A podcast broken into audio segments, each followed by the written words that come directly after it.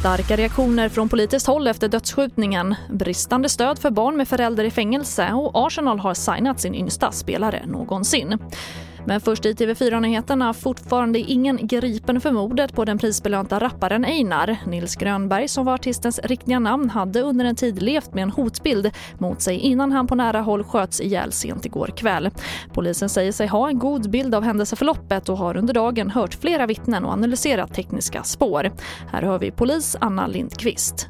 Vi jobbar intensivt och det är ju för att vi ska få tag i en gärningsperson. Eh, och förhoppningsvis så har vi vittnen och vi har kameror i området som vi kan titta på och förhoppningsvis så kan de sakerna leda till att eh, vi kan komma till ett bra avslut i ärendet. Och flera svenska artister har uttryckt sin sorg efter mordet men även från politiskt håll har det kommit starka reaktioner. Flera av partiledarna har uttalat sig, bland annat statsminister Stefan Löfven och moderatledaren Ulf Kristersson. Ja, det är klart. Det är en tragedi. Ett, ett uh, ungt liv som släcks. Det är alldeles för många liv som släcks i, i spåren av den här gängkriminaliteten. Vad jag förstår så är det det det handlar om.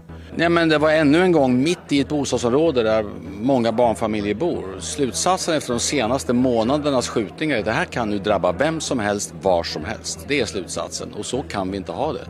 Och mer om det här kan du se på tv4.se. Och tre av fyra barn som har en förälder i fängelse önskar mer kontakt med den föräldern. Det visar en ny rapport från bland annat barnrättsorganisationen Erikshjälpen.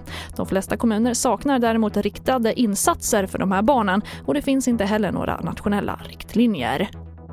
Och vi avslutar med att Arsenal har signat sin yngsta spelare någonsin. I augusti skrev Zain Ali Salman på för klubbens barnakademi, då bara fyra år gammal. Enligt Arsenals talangcoach är Salman supertalangfull och det bästa med honom är hans tankesätt. Och då får vi önska honom lycka till med fotbollskarriären och det får också avsluta TV4-nyheterna. Jag heter Charlotte Hemgren.